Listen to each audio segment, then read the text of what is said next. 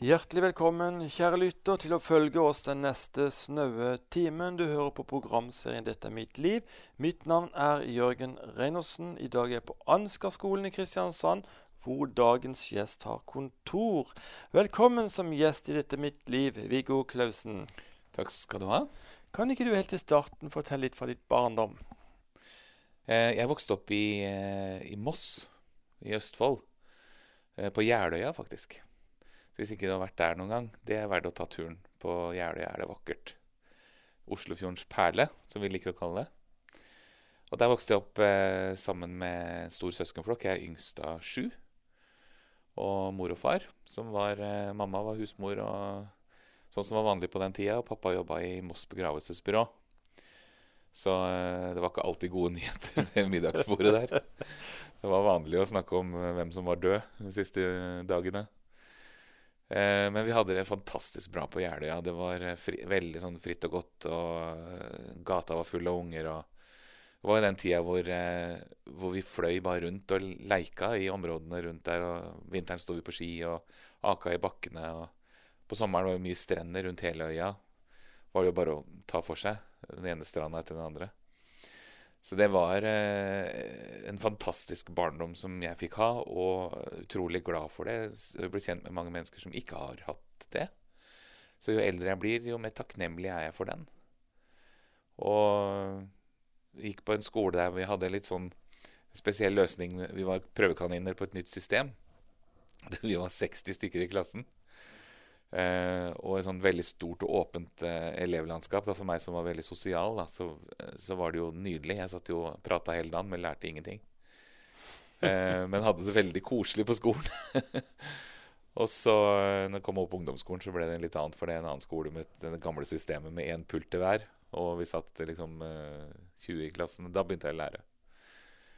Men jeg ser tilbake på det. Fantastisk mye musikk. Familien min var musikkglad. Så pappa drev og lagde instrumenter, bl.a. fioliner og celloer og sånt noe. Så han eh, Det var litt programforplikta til å spille dem, da. Som, han, som vi spilte fiolin, da. Det måtte vi liksom gjøre.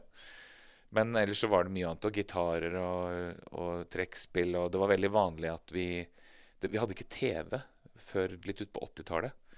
Så det var veldig vanlig at vi tok fram instrumenter fra kroker og kriker når vi var sammen som familie, og sang sang mye. Vi hadde Ingrid Bjørnov eh, har jo fortalt mye om det i sine forestillinger. Det kjente jeg meg veldig igjen i. Nå sang de gamle slegere fra, eh, fra sangboka, norske sangboka. Vi hadde jo eh, en kirkebakgrunn da, som gjorde at vi sang mye kristne sanger. Og, og eh, søstrene mine var bl.a. på jakt etter mye nye sanger. Så de fant jo stadig noen, og hadde med seg noen venninner hjem også, veldig flinke til å synge. Og jeg satt der som en liten gutt og spilte skoeske, husker jeg og så på og hørte på. Det var fantastisk. Mm. Du var ganske så ung når du fikk et evangelistkall. Ja, altså jeg, jeg, Alt var jo i gang når jeg vokste opp. sant? Eh, alle var aktive i kirka. Og jeg stilte jo ikke noe spørsmålstegn ved det, da, for jeg, jeg bare ble med på det som var, var, greia. Så vi gikk jo på søndagsskole, og på den tida var det jo ganske vanlig og, og Mange gikk opp på søndagsskolen. Så det gikk jo en søndagsskolebuss fra vår kirke rundt omkring i byen og plukka opp eh, oss som skulle på søndagsskolen. Og så eh, hørte jeg hørte vi jo om Jesus. Det var jo Det var ikke veldig kreativt på søndagsskolen på den tida, men det var veldig relasjonelt. Så der var tante Gerd, som ikke var tanta vår, sant? men alle kalte for tante Gerd. Og onkel Rangvald, som heller ikke var i familie med oss. Men i og med at vi hadde de der familietermene på lederne der, da, så ble det veldig sånn relasjonelt og, og nært. Og det var gamle folk. Vi syns de var gamle, i hvert fall. Det kan godt hende de var i 50-åra ennå. Som var der år etter år etter år. Og som møtte oss eh, og så oss og fortalte bibelhistorier til oss. Eh, og, og, så traff vi dem igjen i menighetsfellesskapet eh, ellers i uka, eller seinere på søndag, hvor, hvor hele menigheten var sammen. Og så var vi på leir. Det var ikke Det måtte vi. Hver sommer så måtte vi på leir. Det var ikke noe tvang, men det var sånn Det ville jeg. Eh, og det var flere hundre som var på leir ute på et leirsted som heter Oven i eh, Råde kommune. Eh, der var jeg mye på leir, da. Og da husker jeg at vi annet hadde tirsdagskveldene. Da var det misjonsmøte på leir, og da var det gjerne en misjonær som var på besøk. Og jeg hadde også en misjonær i familien, en som het Per, onkelen min. Han var misjonær på Amazonasfloden. Og du kan tenke deg når, når disse misjonærene fortalte om eh, onkel Per, eksempel, som kom hjem og fortalte om indi ekte indianer med bilder av dem. Sant? Med pil og bue, og, og, han kunne fortelle de der historiene fra Amazonas. Så alle politimenn og brannmenn kunne gå og legge seg. Det som var spennende og tøft, det var å være misjonær. Så når jeg var en eh, seks-syv år, så hadde jeg egentlig drømmen om å bli misjonær, da. Men det gikk mer over. Så når jeg var ti-tolv, så ble det mer et ønske, et oppriktig ønske fra meg å fortelle om Jesus til andre mennesker. Eh, helt sånn barnslig, egentlig. fordi jeg var veldig begeistra for eh, Jesus sjøl. Han var blitt en god venn, og jeg, historien i Bibelen var så levende for meg allerede da. Og så begynte jeg å skjønne at det var flere som, uh, av dem i gata jeg bodde, som ikke visste noe om dette. Man hadde ikke hørt noe om det. Og en del voksne også. Så jeg hang over porten hjemme, fortalte mamma, og tok tak i damene på vei til butikken og lurte på om de kjente Gud, da. Så det starta tidlig, ja. Du traff også de kone ganske så tidlig? Ja. Det var jo, det var jo på søndagsskolen, da. Hun var jo et par år eldre enn meg, men uh, veldig nydelig jente, syns jeg. Og, og, vi hadde uh, foreldre som også kjente hverandre godt, selv om vi bodde litt på hver vår kant av byen. Uh, så vi møttes eh, regelmessig eh, på den måten også. Og da ble jeg forelska, og det ble hun, da. Så når jeg var 13-14, da begynte vi å, å, kjenne på den der forelskelsen begge to.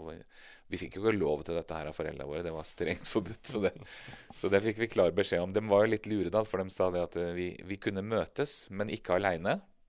Det, det, var liksom eh, opplest og vedtatt. Eh, så f.eks. med de andre ungdommene i kirka. Da, det var greit. Så, eller i kirka i det hele tatt, da. Så vi møttes jo i kirka hele tida. Det var, var, jo på alt som var, bare for å møtes. Så der òg fikk vi jo mye sånn gratis inn fra kirka, da. Pluss at vi fikk sitte ved siden av hverandre og kjenne på forelskelsen. Så det var litt søtt, det i starten. Men vi har vært sammen i snart 40 år. Ja, Nydelig. Eh, du droppa ut av videregående? Ja jeg var ikke, som jeg sa, på, jeg var veldig sosial da på skolen. Så den, den barneskolen var veldig ålreit. Når vi kom til ungdomsskolen, og det ble fag, og det ble krav, og det ble karakterer, og da sleit jeg med mange fag. Så når jeg eh, kom i videregående alder, så turte jeg rett og slett ikke å gå løs på Jeg hadde jo brødre som hadde eh, gått videregående allmenn, og jeg så jo hvor mye de satt med lekser, og hvor vanskelig mye av dette var. Så jeg spurte mamma og pappa pent om jeg kunne få på en måte gå en annen vei, en yrkes, mer sånn yrkesrelatert vei. da. Og det fikk jeg grønt lys for. Det var kjempe egentlig raust. Så jeg prøvde meg litt eh, med kunst og håndverk, for jeg har drevet mye med, med male og tegning og, og, musikk. da, Så det eh, begynte å utdanne meg den veien. Men det her evangelistkallet, det det blei sterkere og sterkere utover i ungdomsåra. Så, så, etter første året der så skjønte jeg at selv om jeg gikk ut med toppkarakterer, faktisk, så skjønte jeg at eh, det her vil jeg ikke komme til å bruke på noe vis. Eh, så eh, jeg søkte meg over på, på bibelskole allerede etter første året på gymnas kom ikke Det ble ikke bibelskole det året, men jeg kom på Jeløy folkehøgskole. Må reklamere litt for den. Frelsesarmeen. Um, og fikk ta musikk der. Og året etter ble det bibelskole her på Ansgarskolen i Kristiansand. Og da, etter det, så har jeg vært i uh, forkynnervirksomhet fra jeg var 19 år, da. Fantastisk. Du var også med på evangeliseringsteamet du gikk her på Ansgar. Var det en rik tid? Ja, for året etter at vi gikk her, det var tre andre ungdommer som gikk sammen med. Så fikk vi utfordringen om å dra sammen et år eh, på, på, team. Det vil si, vi bodde Vi hadde base i Ålesund, kanten, og så hadde vi en bil som reiste rundt eh, til de kontaktmenighetene som kanskje, Jeg vet ikke hvordan det var organisert, men antagelig som betalte for, eh, for teamet. Så var det en god del menigheter som sto for det. Så vi eh, hadde et helt år sammen hvor vi reiste rundt i Midt-Norge stort sett. da, Opp mot nordlandsgrensa og ned mot eh, Hordaland-områdene. Eh, Vestlandet. Eh, og traff eh, Vi fikk prøvd oss på alt mulig. Ja. Der var det alt fra vi var på Fjørtoft, f.eks., ute på høya der. Der kunne man rett og slett ikke treffe folk hvis ikke man banka på. Eller hvis du banka på, da traff de ikke. For da trodde de det var Jehovas vitne. Og da lokka de ikke opp. Så hvis du skulle få snakka med folk der, så måtte du, du måtte gå inn i gangen eller sette deg på stol på kjøkkenet. Da var folk klar for å snakke med deg. Det var ganske overgang for meg som bygutt, som eh, hadde en del sånne private soner rundt livet. Men det, vi, vi, fikk prøvd oss på det. Vi hadde alt mulig rart. Vi hadde bårandakt, og vi hadde barnemøter, og vi hadde gateevangelisering. Og uh, alt mulig som vi holdt på med for å treffe folk. Og det jeg oppdaga da, det var at uh, det å treffe barn, det syns jeg var veldig gøy. Uh, man kunne bruke kreativiteten mye der, så der kom all tegninga, malinga og musikken og teater og dokketeater og alt sånt noe kom på sin plass. Som jeg egentlig hadde holdt på med hele tida i gata. Og bare hadde hatt det gøy med. Hadde en god venninne i huset ved siden av som uh, var av samme ulla, så vi, vi satte opp uh, dokketeaterforestillinger. Kosta 25 øre for å komme inn, husker jeg. Vi fikk saftig pause. Uh, og alt det der som vi hadde leika med, da, det, det fikk jeg ta, bare ta videre i, i jobben min og leike videre med, og det var veldig gøy. For unger er veldig lekne. er jo en veldig viktig for barn. At det er lekent, at det er gøy, at det er humor. Eh, og det er masse, masse gøy og humor i, eh, i livet og i bibelhistoriene. Og det å kunne liksom ta de med inn i det universet på den måten var kjempespennende. Det var ikke noe jeg hadde sett for meg, egentlig. Jeg hadde sett for meg en litt mer sånn tradisjonell voksen greie. da så det å oppdage det, det var veldig stort for meg. Og, og merka at ungene også ga god respons. Unger er veldig ærlig publikum. Brutalt ærlig, egentlig. For de kan jo plutselig bare rekke opp hånda og spørre om jeg snart er ferdig. sant? Eh, kan vi gjøre noe annet? Det gjør jo ikke voksne. Uh, så det å, det å, se å kunne fange barns oppmerksomhet og se at de syns det er gøy, og at de får noe ut av det, ikke minst at de skjønner hva du sier, og, og at det går opp noen lys for dem og er det fantastisk. Og, og, og, ikke minst sitte og prate med dem. Høre deres perspektiv på ting. Det er veldig bra.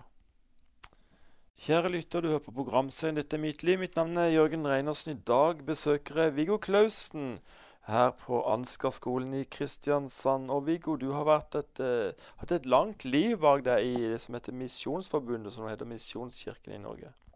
Ja. Jeg nevnte jo at uh, vi var på, på team et år. Og etter det så, så valgte jeg å fortsette i det som het Misjonsforbundet den gangen. Jeg kom egentlig fra en eh, sånn pinsekarismatisk bakgrunn. Eh, noe som heter De frie evangeliske forsamlinger. Det er jo masse forskjellige sånne kirkesamfunn. Eh, og den gangen da vi var yngre, var det, var det nok mer skiller imellom disse kirkesamfunnene. Nå er det mindre av det, heldigvis. Så nå samarbeider vi mer på kryss og tvers og er litt mer like, kanskje. Både i uttrykk og noen teologiske forskjeller er det jo, men eh, det betyr kanskje ikke så mye lenger som det gjorde før. Ehm, så jeg fikk starte i, i menighetsarbeid, og da, da, havna jeg i Bergen sammen med kona mi. Da gifta vi oss, og så havna vi der. Der etablerte vi oss, fikk barn, fikk en sønn og en datter. Eh, og i den menigheten, en liten menighet eh, i en bygd utafor Bergen som vi jobba i da, som hadde veldig mye barn og ungdom Barne- og ungdomssenteret, het det. Og, og der fikk jeg bare på en måte reindyrka enda mer av dette barnefokuset. Eh, Men det som eh, var veldig fint der, det var at barn og voksne, og eldre òg, var mye sammen i gudstjenestelivet. Så når alle mann er der, altså de, fra de yngste til de eldste på samme brett, det er jo en del som syns er kanskje vrient. Liksom, eh, men det har jeg syntes har vært det beste. Eh, for da går det an å spille på mange flere strenger. Da er det både voksne, som du kan liksom komme med litt sånn voksenting til innimellom, og kanskje noe humor som de skjønner. Eh, og så er det ungene som da kanskje ikke skjønner, går litt over huet på de, men de trenger andre ting, så kan du spille litt på de. Og, og, ungdommer som da kanskje har andre tråder igjen. Så det det syns jeg er en veldig spennende setting.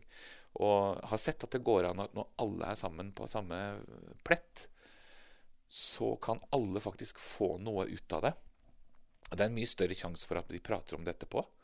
Kommer man hjem fra gudstjeneste eksempel, eller har opplevd noe, eller om man har vært på andre ting òg, og ikke har vært sammen, så prater man jo ikke om det. Fordi man, man opplever det ikke sammen. Men hvis man opplever det sammen, da prater man om det. Og det er jeg veldig opptatt av at det som skjer i kirka, skal bli med hjem. Hvis ikke så har det liten verdi. Det er jo hovedsakelig hjemme at tro eh, utvikles. Og da er det jo samtalen som er kjempeviktig. At unger eh, At det er takhøyde for å stille spørsmål, være kritisk, kunne tvile på ting. Og at voksne er trygge, kunne svare på ting. Eller kanskje ikke hvis man ikke har noe svar, så er det jo lov å si det òg. Det vet jeg ikke. Så den gode samtalen er jeg veldig tro på. Og jeg tror gudstjenester og samlinger i kirka kan sette i gang mye bra hjemme. Hvis vi legger opp til det, da. Og en stor fordel er å være sammen. Det kan ikke alltid være det, men de gangene man er det, så er det en stor mulighet for å sette i gang eh, prat sammen. Og sånn har det vært eh, De åra jeg har fått jobbe, så har jeg brukt, brukt mye til det. For akkurat det tror jeg oppdaga Eller hadde noen eh, evner som, eh, som, jeg hadde med meg, da, som folk ble glad i. Så da ble jeg invitert mye rundt til menigheter og kirker på kryss og tvers av kirkesamfunnet også, i hele landet etter hvert. Og ha sånne samlinger. Alle var i, i kirkerommet. Familieleirer også, veldig typisk sted for det. Der poenget er å være sammen. Og jeg har elska det. Så, så, det fortsetter jeg med. Du har jo, som du nevnte tidligere, også vært opptatt av å bruke dine kreative evner til å formidle.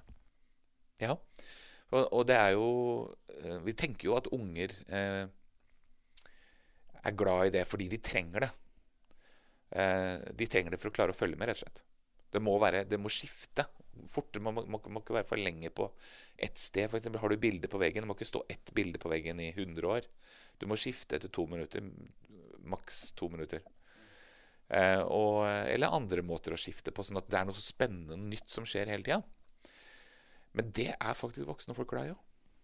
Det er ganske mange voksne Som jeg nevnte i stad, unger de spør jo er du snart ferdig hvis de kjeder seg. Mens voksne gjør jo ikke De sitter jo og sover med øya oppe. Og det ser ut som de følger med, men de syns det er kjedelig. Og det er ganske mange menn. Mannfolk kan synes det er kjedelig i kirka. Det blir eh, Det blir for eh, stille. Altså kanskje litt for rosa, da. At det blir Damene råder grunnen, og det blir mye sånn levende lys og følelser og sanger, og, og, og så ramler vi mannfolk av. Og øh, det trigger meg litt. At vi må få det mer blått i kirka når vi er sammen som, som kristne også. At, litt, at uttrykket er litt mer blått. Damene har ikke noe problem med å følge med i det blå uttrykket, men gutta ramler jo av som fluer i det rosa. Så det har trigga meg kreativt også. Og i og med at jeg er mann, da, så, jo, så, kommer det jo naturlig å ta sånne kanskje litt mer maskuline grep når man skal forkynne litt sånne litt røffe bilder på veggen, og kanskje noen eksempler som er litt mer eh, røffe og, og kanskje litt mer sølete og bråkete og, og, sånn enn det kanskje noen damer ville valgt. Jeg tenker at Hvis vi mannfolka vil ha det mer blått i kirka, da, så kan ikke vi forlange at damene skal gjøre det. Da må jo vi mannfolka engasjere oss da, og, og gjøre det mer attraktivt for oss menn og for gutta som kommer der.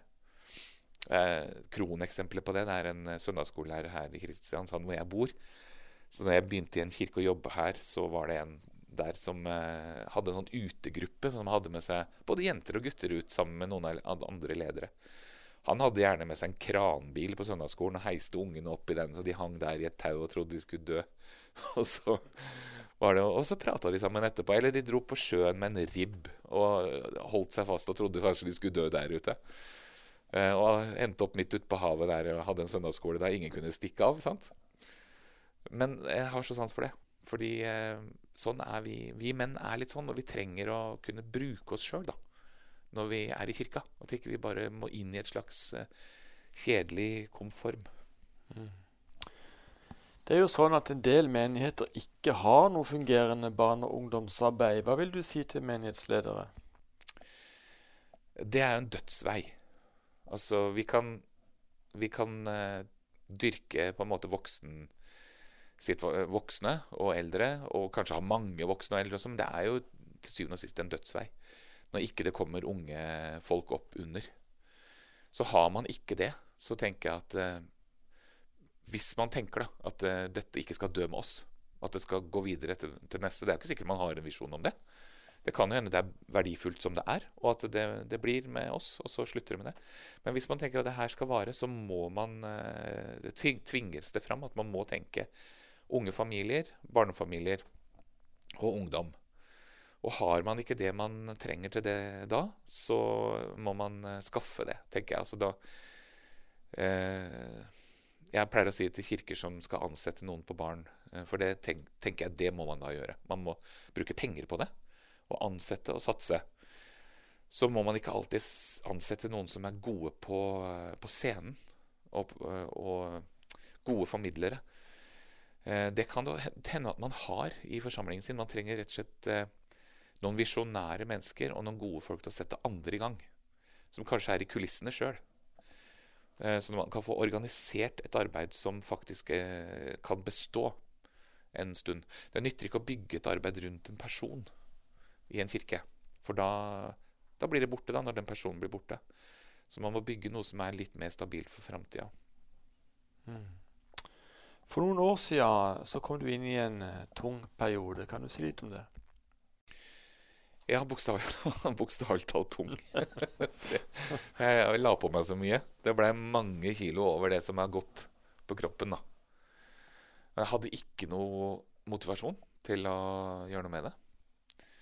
Så jeg leita lenge etter å finne en motivasjon. Og da kom det en idé, og det var å gå Norge på langs. Hm. Jeg veit ikke hvor den kom fra, men eh, det var en idé som dukka opp, og som jeg merka det var inspirasjon i. Jeg syns det var en spennende tanke.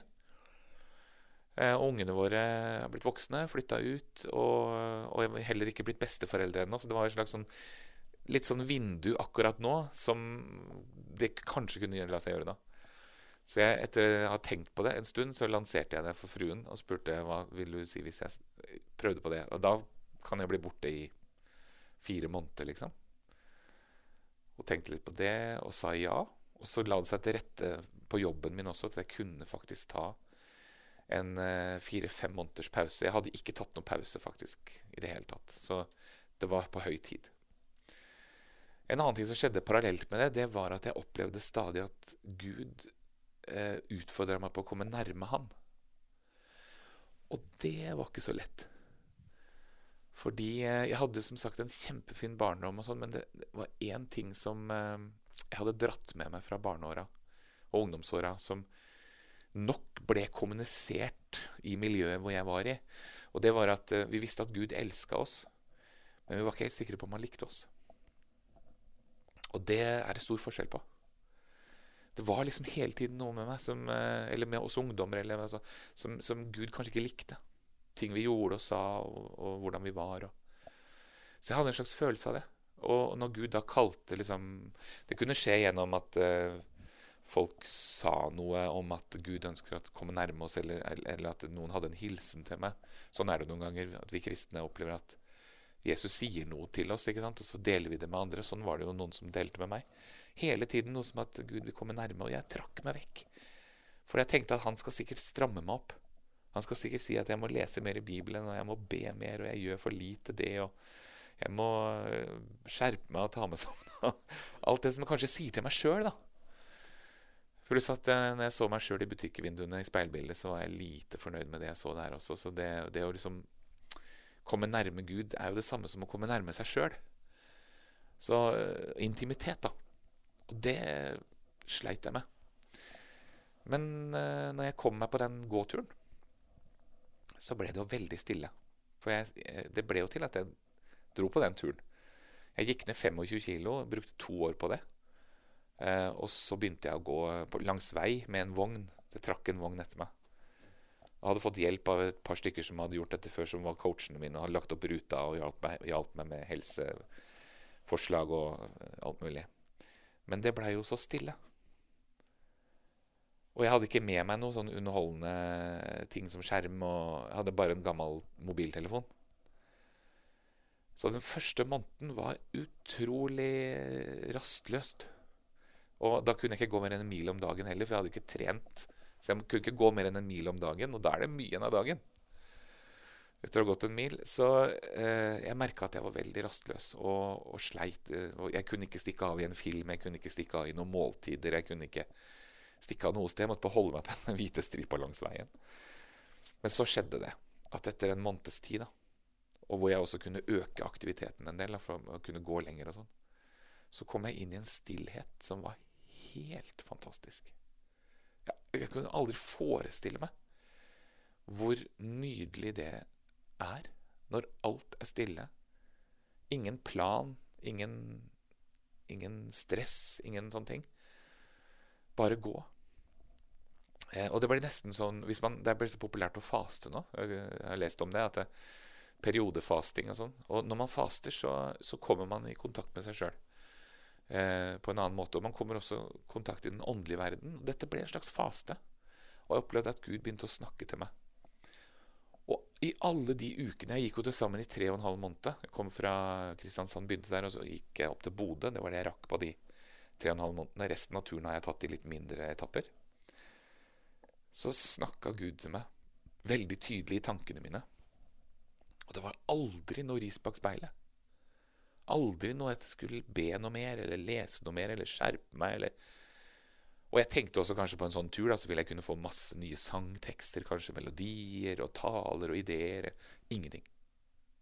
Det var helt, helt stille, akkurat som Gud hadde arrangert det. Og det eneste han hadde på agendaen, det var å si til meg, Viggo, jeg elsker deg, og jeg liker deg. Jeg liker å være sammen med deg. Jeg liker den du er. Og kan ikke jeg bare få være pappaen din? Kan ikke vi bare få være nærme hverandre? Det var akkurat som han sa, jeg trenger deg. Og når jeg kom hjem fra turen, så var det en journalist som intervjua meg, som spurte om jeg kom nærmere Gud. Og så svarte jeg nei, men jeg tror Gud kom nærmere meg.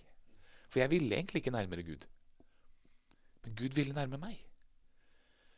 Og den oppdagelsen der var så sterk.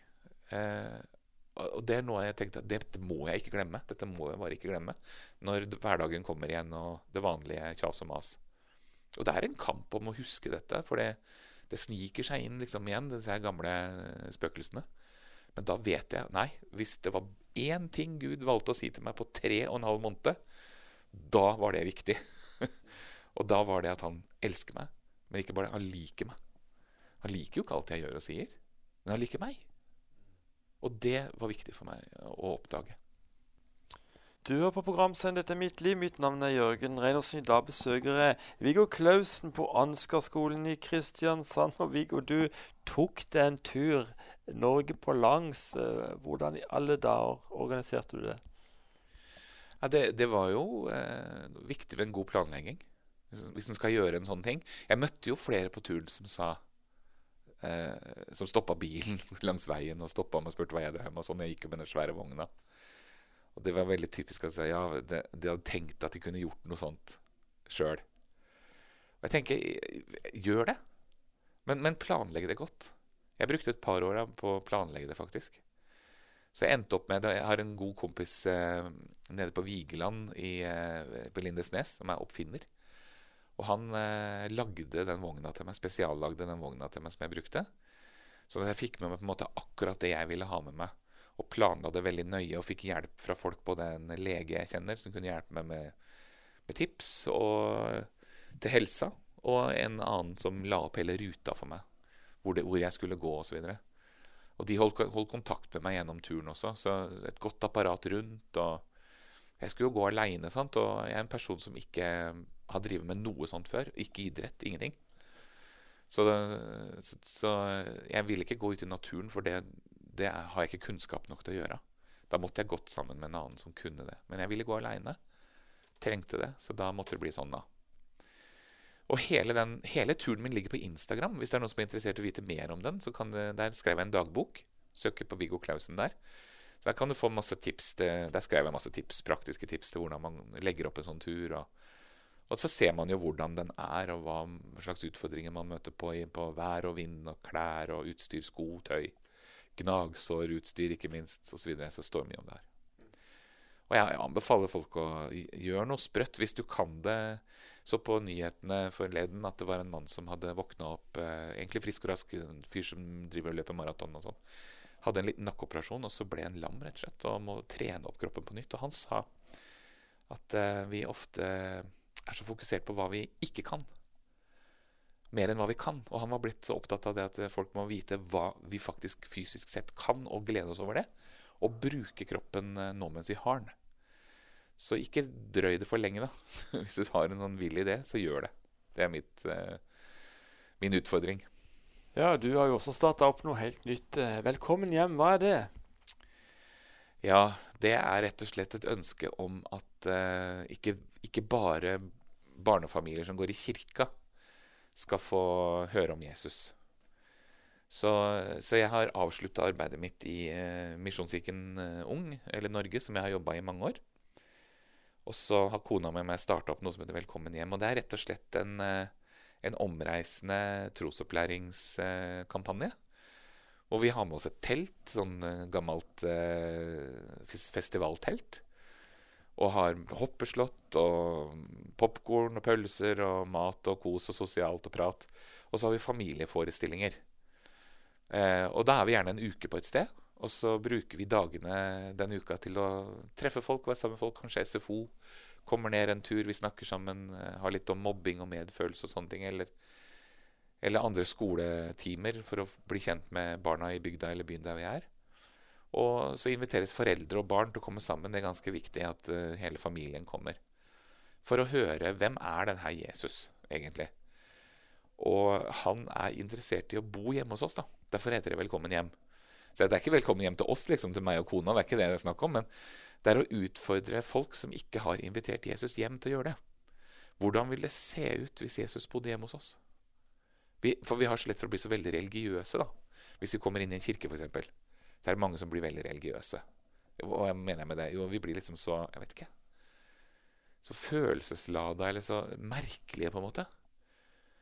Eh, mens jeg, min opplevelse er at Jesus er egentlig veldig hverdagslig. da. Det er jo flest hverdager. Og, og han er veldig interessert i å være med hjem. Være med på det vi driver med til hverdags. Være en del av møblementet i huset, være en del av eh, familien. Og hvordan ser det ut? Det handler jo i, i grunn om å bygge en relasjon med han, og sammen og sammen med han. Det handler om å ta han med i måltidene, f.eks. det med bordbønn. Hva er det for noe? Hvordan ser det ut? Kan vi ha bordbønn? Eller, eller aftenbønn. Eh, det er ganske vanlig at mange har et eller annet rundt Nå skal jeg legge meg, vi synger en sang, eller vi gjør et eller annet sånt. Hva med å ta med Jesus inn i det? Historiene fra Bibelen, passer det inn der? Kan vi snakke sammen om noe sånt? Hva var best i dag? Hva var verst i dag?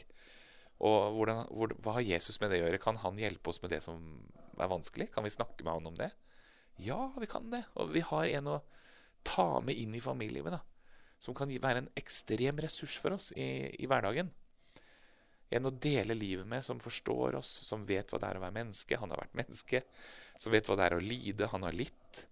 Som vet hva det er å oppleve det vi mennesker opplever av utfordringer og prøvelser.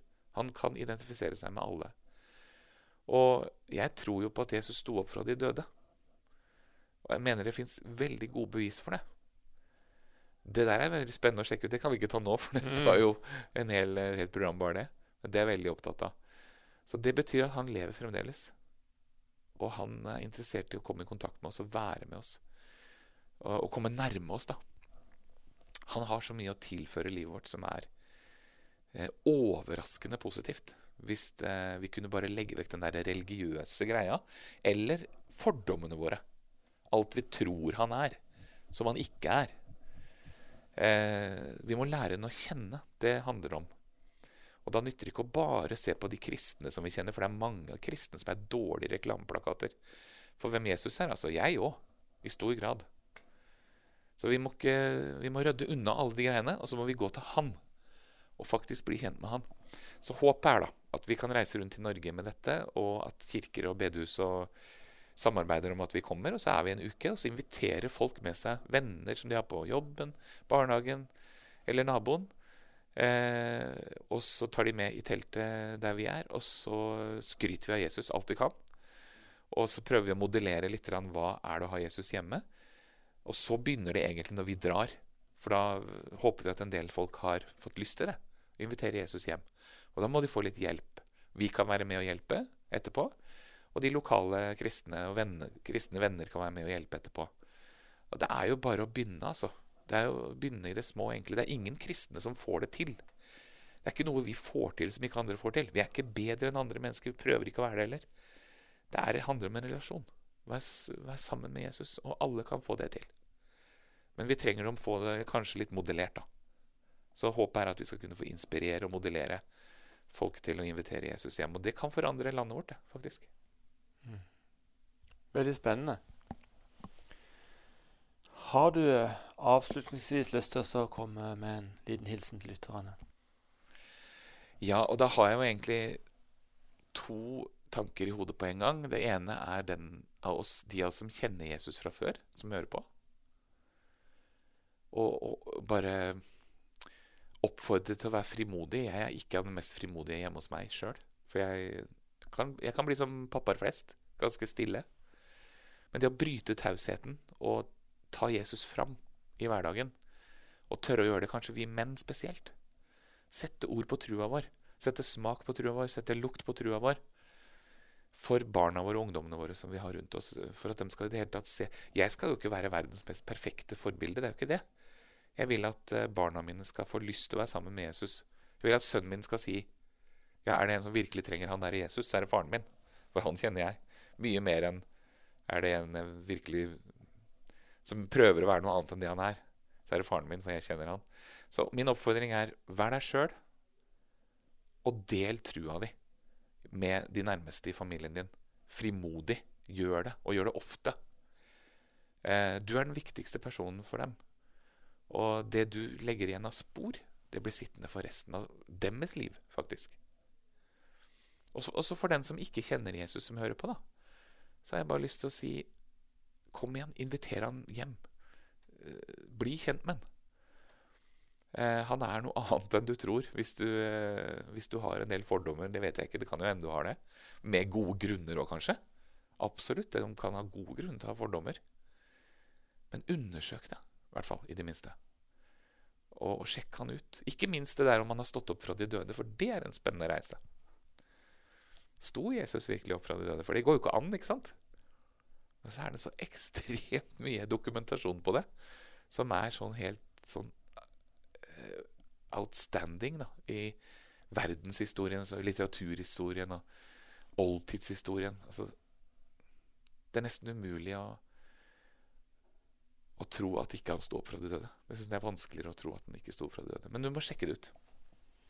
Nydelig hilsen. Viggo, vil du også be en bønn for lytterne? Det kan jeg godt. Når vi ber, så snakker vi jo med Gud, da. Det er jo det jeg tenker at han, han vil at vi skal. Så takk, pappa Gud, for at eh, du vil gå sammen med oss, at du vil være pappaen vår. Og, og, at du vil bo hjemme hos oss og være nær. Du, det er ditt DNA. Det er akkurat som meg, det. Som, jeg ønsker det samme som pappa sjøl. Å være nær de barna mine og familien min. Og takk at du er sånn. Og nå har jeg lyst til å be for uh, alle dem som hører på, som ikke kjenner deg, og ikke opplever at de har noe sånn nært forhold til deg. At, uh, at, det skal skje. At det blir en nærhet, at det blir en intimitet, at det blir en kontakt mellom deg og dem. Takk at uh, stokket på deg. Du er åpen, du er klar. Så hjelp oss til å tørre å ta kontakt, tørre å nærme oss deg.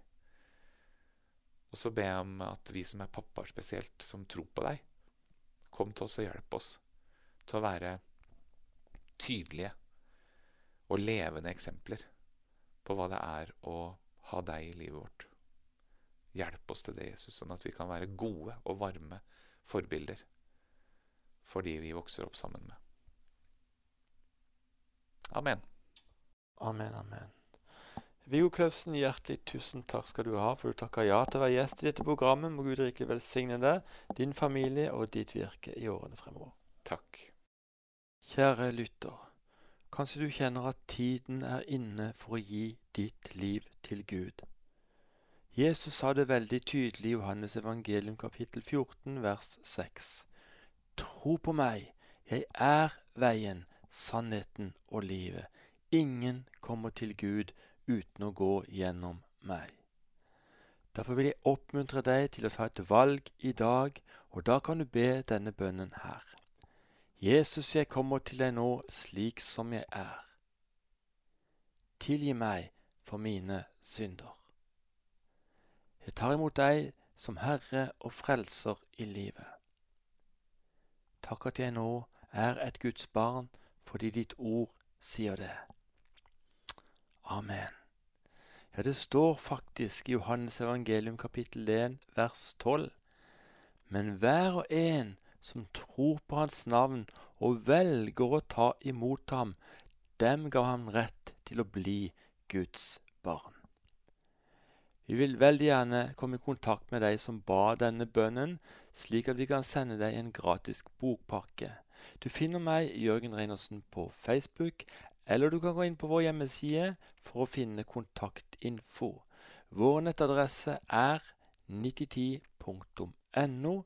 Dette staves slik nitti10e0.no. Her finnes det også en del tidligere episoder i denne serien, samt en rekke videoer fra våre arrangementer. Neste uke er vi igjen på denne kanalen med en ny gjest i programserien som heter Dette er mitt liv. Inviter gjerne noen på en kopp kaffe til den anledningen. Og husk, kjære lytter, at du er høyt elsket, du er verdifull, du er unik. Det finnes bare én som deg. Vi takker for i dag og ønsker deg det beste av alt Guds velsignelse.